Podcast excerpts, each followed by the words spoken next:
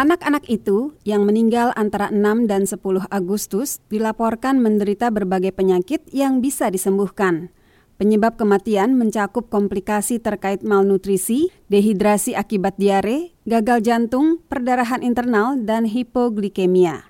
Kepada VOA, juru bicara kantor PBB untuk koordinasi urusan kemanusiaan, Jens Lerka mengatakan kondisi di mana anak-anak itu tinggal berpotensi berbahaya dan tidak bisa diterima. Hampir 40 ribu anak dari lebih 60 negara terus mendekam di Camp Al-Hol.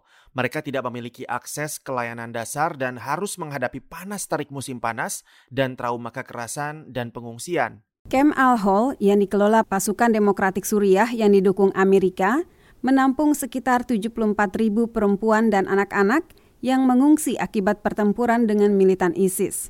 Sebagian besar dari mereka berasal dari Suriah dan Irak, tetapi lebih dari 7 ribu dilaporkan dari negara-negara asing.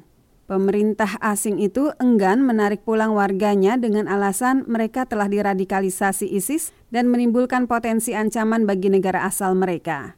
Lerka mengatakan PBB terus memberikan berbagai bantuan penting seperti tempat tinggal, makanan, kebersihan, nutrisi, dan perlindungan. Tetapi dia mencatat dalam beberapa bulan ini, akses ke layanan dasar termasuk pasokan air yang teratur dan perawatan kesehatan darurat kurang karena berbagai alasan. Antara lain gangguan pasokan air pada bendungan Aluk dan langkah-langkah pencegahan COVID-19.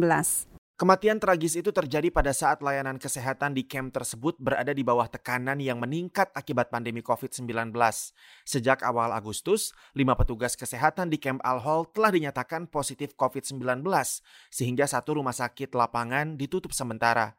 Akibat penutupan itu, timbul masalah lain di tengah semakin kurangnya alat pelindung diri. Di Suriah terdapat lebih dari 1.330 penderita virus corona, termasuk 58 kematian. Lerka mengatakan Langkah-langkah harus diperkuat untuk menjaga dan melindungi petugas kesehatan dari penyakit mematikan itu, sementara virus tersebut terus menyebar dengan cepat ke seluruh negara itu.